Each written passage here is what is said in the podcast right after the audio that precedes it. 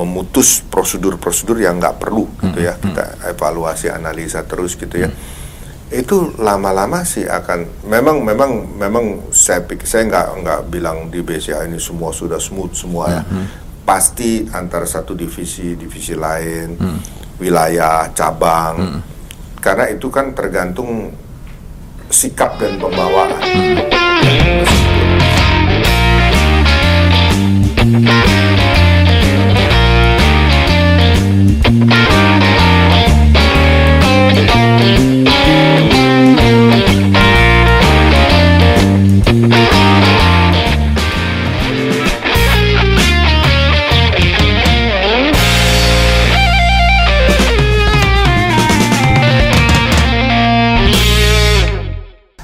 saya masih ingat yang dikatakan Bapak salah satunya adalah kalau kita mau mengejar pasar milenial, pasar milenial maka tenaga kerjanya harus milenial juga, ya kan? Saya pengen tahu Pak, di BCA sendiri sekarang sudah berapa persen yang milenial?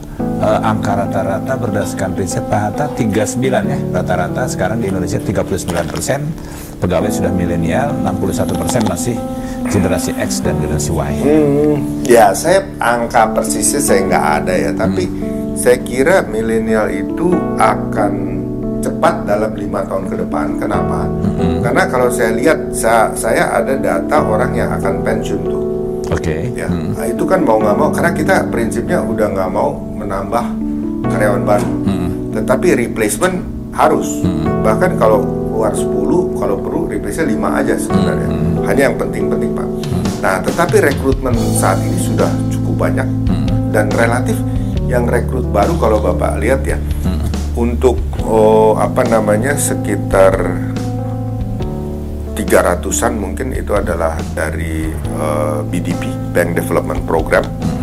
Kemudian ada juga dari Bakti ya program Bakti. Ada PPA itu rekrutmen kita. Itu bisa sekitar mungkin total bisa termasuk Bakti itu bisa tiga ribuan satu satu kali rekrutmen gitu ya. Jadi saya kira cukup banyak sih yang yang yang udah uh, generasi. Saya saya pikir antara 40-an 40 45 persen mungkin. Tapi ini akan lebih cepat lagi berjalannya waktu nih ke depan dalam lima tahun ke depan. Oke. Nah, saya nggak tahu di tempat Bapak. Di tempat lain itu problem antara si level Pak Hmm. dengan manajer ke apa ke bawah eh, level gitu loh. Ya, ya. Kenapa? Karena komposisi itu tadi. Yes. yes. Nah, eh, dugaan saya di Bapak nggak ada masalah, tapi mungkin eh, mudah-mudahan tidak mengulang. Tapi mengatasinya seperti apa itu? Ya, yang tua kan tetap ada Pak dan tetap. Ya, ya. Bapak bilang kan tadi dipakai wisdomnya, dipakai pengalamannya Hmm. segala macam. Tapi cara memadukannya itu filosofinya seperti apa ya Pak? Hmm, ya, jadi memang begini, menurut saya ya, eh, perubahan di level senior juga tetap harus ada, di mana tadinya Sama mereka apa ya, ya, itu sebentar. merupakan apa ya namanya eh, seniority, ya, Ya. seniority. Heeh. Tetapi kalau seniornya itu mulai mau turun ke bawah gitu ya, ikut di gathering-gathering, kita terapkan kaizen juga untuk uh, memper apa ya, memutus prosedur-prosedur yang nggak perlu gitu ya, kita evaluasi analisa terus gitu ya. Itu lama-lama sih akan memang memang memang saya pikir saya nggak nggak bilang di BCA ini semua sudah smooth semua ya.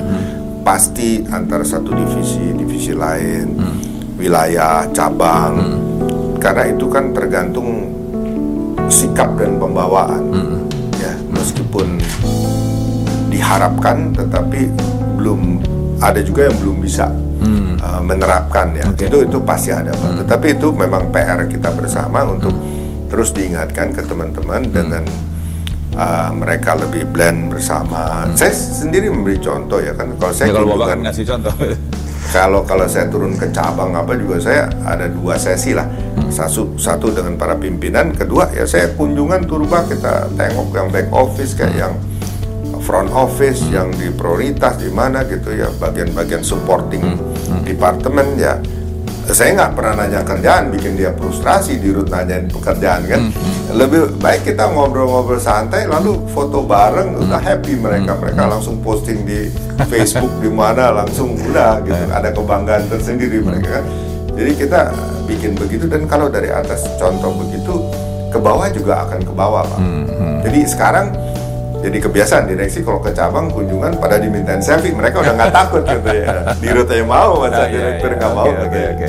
Dan jadi salah satu. Tapi saya juga nggak Nah, makanya, munafik bilang bahwa wah kita udah perform enggak.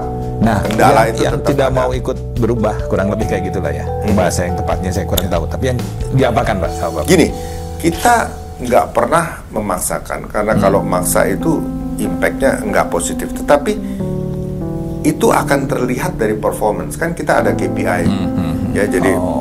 uh, apa Jadi KPI-nya sudah disesuaikan dulu iya dengan dan dari dan. KPI itu Hah?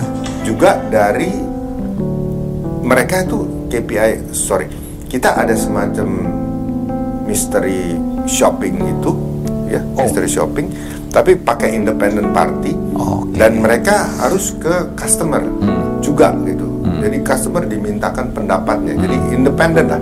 Betul-betul sesuai customer. Karena gini kita punya pengalaman ya. Pernah suatu saat kita tuh melatih dengan sistem harusnya dibegini gitu. Hmm.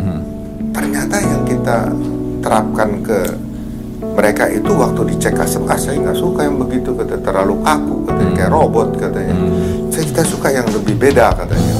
Nah based on that kita pakai Gallup untuk menolong kita lakukan checking ke nasabah nah otomatis kalau pimpinannya nggak ikutin ratingnya akan rendah pak Hmm. Nah, dari situ kan ada kita bangun juga apa namanya competition itu penting. Hmm, Sebab oke. itu kita ada namanya BCA Award ini tanggal 2 Februari nanti kita ada BCA Award ya. di rating gitu, di semacam rating, di rating ya. diberikan uh, reward dalam bentuk uh, ada uh, hadiah-hadiah utama. Lalu yang the best the bestnya itu dikirim ke luar negeri ke Korea ke mana gitu ya untuk jalan-jalan gitu kan mereka enjoy. Jadi ini mengencourage untuk orang berusaha. Kalau enggak ya dia akan tertinggal dari kompetisi yang ada. Oke, oke, oke. Jadi caranya lewat dari performance-nya itu, Pak Ya, gitu. Oke. Hmm. Nah, tadi Bapak bicara soal fintech, Pak. Saya ingin tahu pendapat Bapak tentang satu lagi. Kan filosofi awalnya dulu, Pak. Ya. Sekarang kan teknologi tidak dapat dibendung, Pak. Ya. Dulu kita eh, WikiLeaks kita anggap eh, problem, tapi akhirnya kita terima juga. Ya. Eh, masyarakat menerima, pemerintah menerima. Yes. Satu hal yang eh, saya ingin lama ingin tanyakan ke Bapak adalah Bitcoin, Pak seluruh dunia itu lahir dari eh, apa, masyarakat eh, tanpa bank orang bisa ber bapak pasti sudah ngerti kan bapak Ya. bisa ini sendiri Ya. ya kan dan cenderung dilarang tapi apa namanya eh, filosofinya eh apa penggemarnya di seluruh dunia dan penggunanya terus meningkat Hmm. saya ingin Nah, pendapat bapak sekarang saya balik kepada fundamental. Saya nggak bisa menjawab langsung, tapi saya bertitik kepada fundamental. Kita ambil contoh, misalnya eh, barang tambang, misalnya, atau emas lah, misalnya. Emas ini ada physical emas, ada paper gold namanya. Paper gold maupun fisik emas bisa dipakai sebagai investasi, bisa dipakai juga sebagai spekulasi, ya.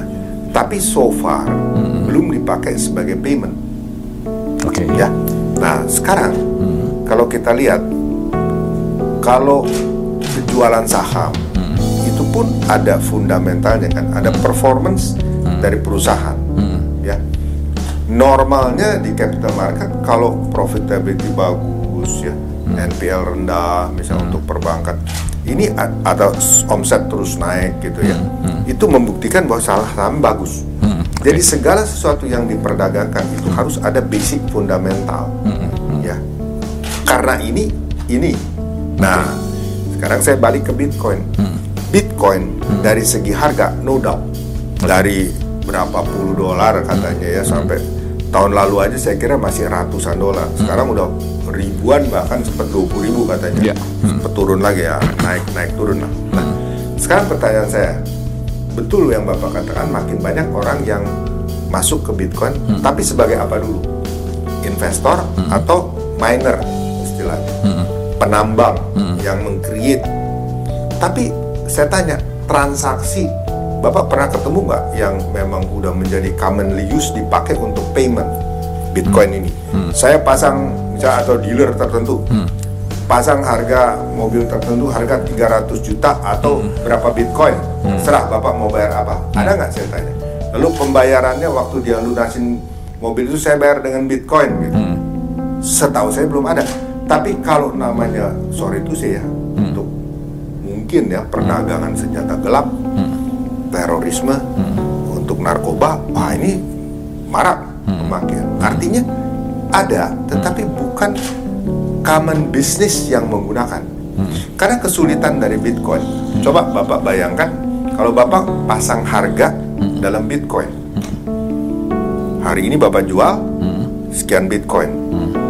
Pada waktu Bapak mau beli lagi, Hmm. ini atau Bapak menj- menjual ini de- de- dengan Bitcoin gitu ya. Pasang harga Bitcoin. Ini kan harganya fluktuatif. Oke. Apa setiap jam Bapak mau rubah harga Bitcoinnya?